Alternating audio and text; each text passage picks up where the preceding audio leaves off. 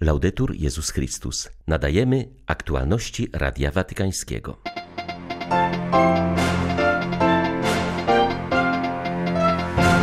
Papież apeluje o głęboką reformę gospodarki, która wszystkim zapewni godziwą pracę.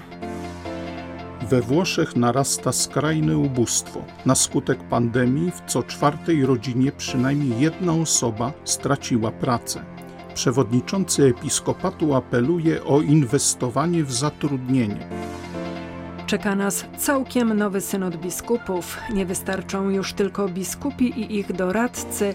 Trzeba się wsłuchać w cały lud Boży, podkreśla arcybiskup Rygi. 17 czerwca witają Państwa ksiądz Krzysztof Ołdakowski i Beata Zajączkowska. Zapraszamy na serwis informacyjny. Papież Franciszek zaapelował o głęboką reformę życia gospodarczego, które nie będzie się kierować jedynie filozofią zysku i zgadzać na to, by całe grupy społeczne były wykluczone z dobra wspólnego.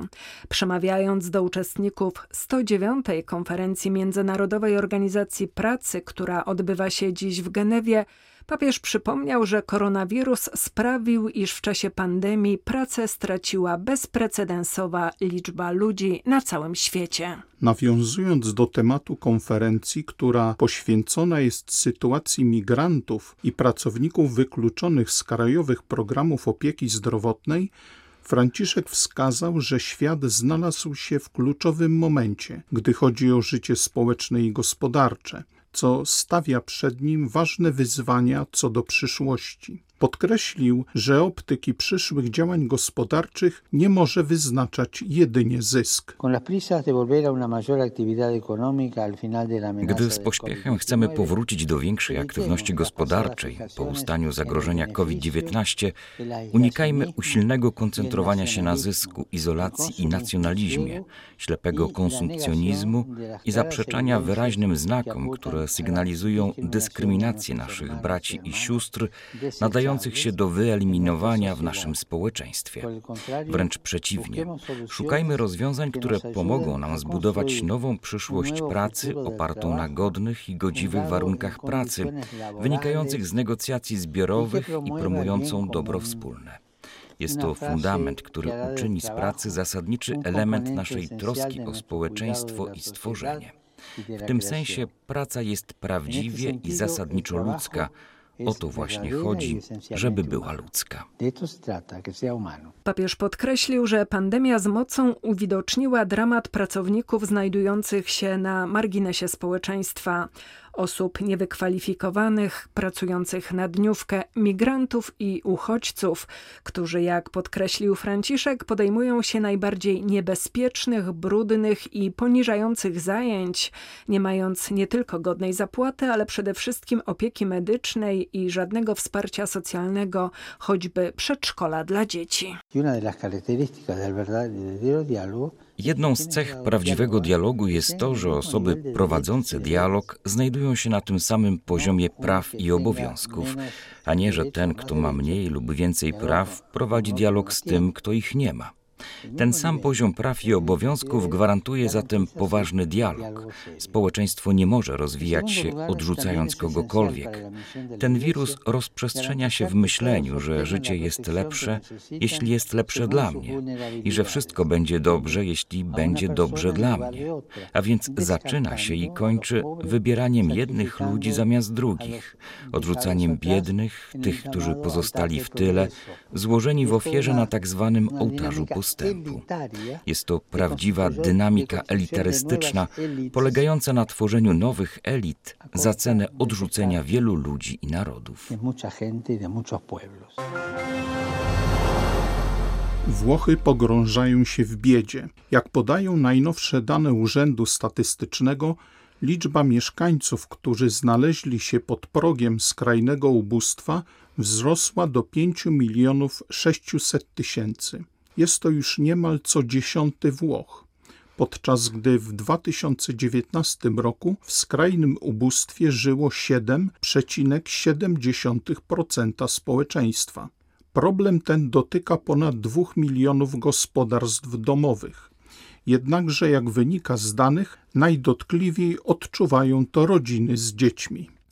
Dane Urzędu Statystycznego potwierdza też włoska Caritas, która przygotowuje własny raport. Radykalnie wzrosła liczba osób proszących o pomoc z 200 tysięcy w roku 2019 do 545 tysięcy w marcu bieżącego roku, z czego 60% to rodowici Włosi, podczas gdy przed pandemią stanowili oni 44% potrzebujących. Nowe kategorie ubogich według Caritas to przede wszystkim osoby samotnie wychowujące dzieci i młode małżeństwa z dziećmi, w których jedyny chlebodawca zarabia poniżej 1000 euro miesięcznie. Zdaniem włoskiej Caritas w co czwartej włoskiej rodzinie co najmniej jedna osoba straciła pracę na skutek pandemii. Komentując dla Radia Watykańskiego te dramatyczne dane, przewodniczący Episkopatu Włoch przyznał, że on sam na podstawie osobistych doświadczeń może potwierdzić te tendencje. Jego zdaniem prawdziwym rozwiązaniem jest odbudowa włoskiej gospodarki, mówi kardynał Gualtiero Bassetti. Uważam, że fundusz odbudowy powinien zostać wykorzystany do inwestowania w przedsiębiorstwa, aby pojawiały się nowe miejsca pracy, bo ubóstwo będzie rosnąć jeszcze bardziej, jeśli nie znajdziemy sposobu na pokonanie bezrobocia. Przede wszystkim trzeba dać pracę młodym. Nieustannie przychodzą do mnie młodzi, absolwenci wyższych uczelni, inżynierzy. Przychodzą, aby się pożegnać, bo wyjeżdżają z Włoch, jadą do Niemiec, do Szwajcarii, bo nasza matka ojczyzna nie może dać im pracy. Trzeba to przezwyciężyć. Anche questo dovrebbe essere superato. W Izraelu jest nowy rząd, ale koalicja, która go tworzy, ma bardzo mało wspólnego. Jedyne, co ją łączy, to wrogość względem Netanyahu. A zatem rząd wytrwa tak długo, jak długo były premier jest postrzegany jako zagrożenie. Przewiduje ojciec David Neuhaus, żydowski konwertyta, przełożony jezuitów Ziemi Świętej. Przypomina on, że nową koalicję rządową tworzą partie z prawicy i lewicy, które mają radykalnie różne wizje dotyczące społeczeństwa. Różni ich również stosunek do Palestyńczyków i możliwości utworzenia państwa palestyńskiego. Jeśli chodzi o relacje nowego rządu ze Stanami Zjednoczonymi, to zdaniem ojca Neuhausa jest mało prawdopodobne, by nowy rząd zrezygnował z silnych więzi syjonistycznymi chrześcijanami ewangelicznymi, którzy popierali poprzedni rząd. Ci zdecydowani antyarabscy i antymuzułmańscy protestanci wspierają Izrael na podstawie fundamentalistycznej lektury Pisma Świętego i przekonania, że Bóg wybrał Izrael, rozumiany jako współczesne państwo Izrael i obiecał mu zwycięstwo. Grupy te są nie tylko wpływowym lobby politycznym, ale także przeznaczają wiele pieniędzy na promowanie interesów Izraela. Nowy rząd bez wątpienia będzie zabiegał o ich poparcie, dodaje izraelski jezuita. Zaznacza on jednak, że w skład nowego rządu wchodzą też elementy lewicowe, zdecydowanie sprzeciwiające się tradycyjnym wartościom rodzinnym, promowanym przez ewangelików, co może prowadzić do ostrych starć. Zdecydowana większość amerykańskich katolików regularnie chodzących do kościoła uważa, że politycy, którzy w swej działalności zajmują stanowiska sprzeczne z nauczaniem kościoła, wprowadzają wśród wiernych zamęt. Dane te wynikają z sondażu przeprowadzonego na zlecenie Katolickiego Stowarzyszenia, które zachęca amerykańskich biskupów do zajęcia jednoznacznego stanowiska w tej sprawie. W Stanach Zjednoczonych trwa sesja plenarna episkopatu. Jednym z punktów obrad jest podjęcie decyzji w sprawie ewentualnego dokumentu na temat Eucharystii i dopuszczania do komunii katolickich polityków, którzy w ważnych sprawach, takich jak aborcja, nie respektują nauczania Kościoła. Sondaż został przeprowadzony na początku czerwca. Skład respondentów uwzględniał ich preferencje wyborcze. 49% z nich to wyborcy Trumpa, a 51% Bidena. Z badań wynika, że 83% katolików regularnie uczęszczających na msze uważa, że urzędnicy publiczni zajmujący stanowisko sprzeczne z nauczaniem Kościoła wprowadzają zamieszanie i rozłam.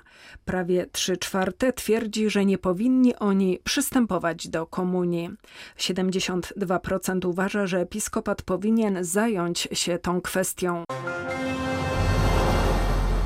Będzie to synod, który postawi ważne pytania, a sam będzie odpowiedzią na to, czego chciał od Kościoła Sobór Watykański II by umiał odczytywać znaki czasu i znajdować na nie odpowiedzi, wychodząc od Ewangelii.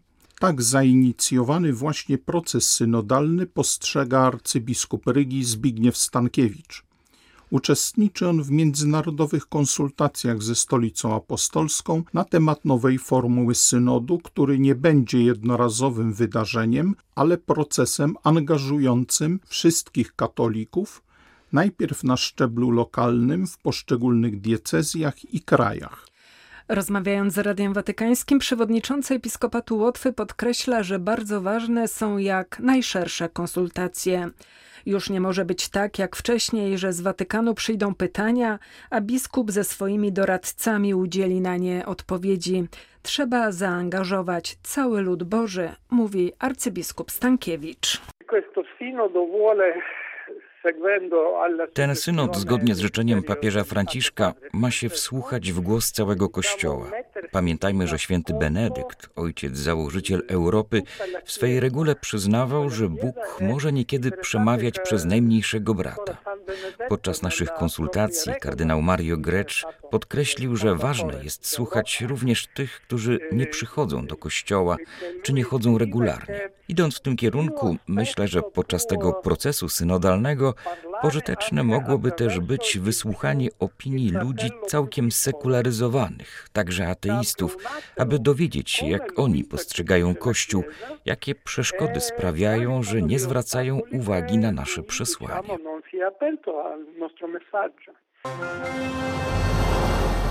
Nowy asystent kościelny mediów watykańskich wyznaje, że papieska nominacja była dla niego dużą niespodzianką.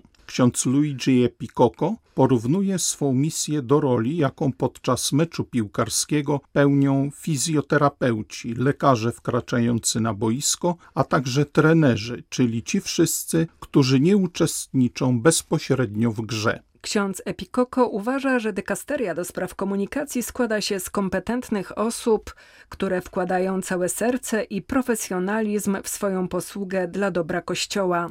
Chodzi zatem o rodzaj towarzyszenia i bycia wsparciem w skutecznym spełnianiu misji przez osoby posiadające właściwe kompetencje.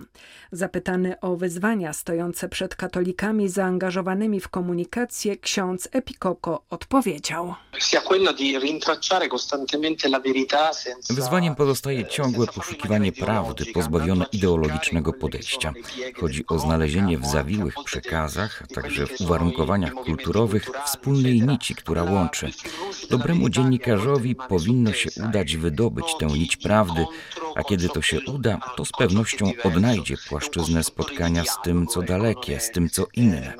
Wierzę, że w tym zawodzie ważne jest, aby mieć oparcie w rzeczywistości, a nie iść za uprzedzeniami, które czasami zastępują doświadczenie tego, co naprawdę istnieje. Papież stawia w centrum przekazu wielką kategorię świadectwa. Aby być dobrym dziennikarzem, należy powrócić do bycia przede wszystkim świadkiem. Były to aktualności Radia Watykańskiego. Laudetur Jezus Chrystus.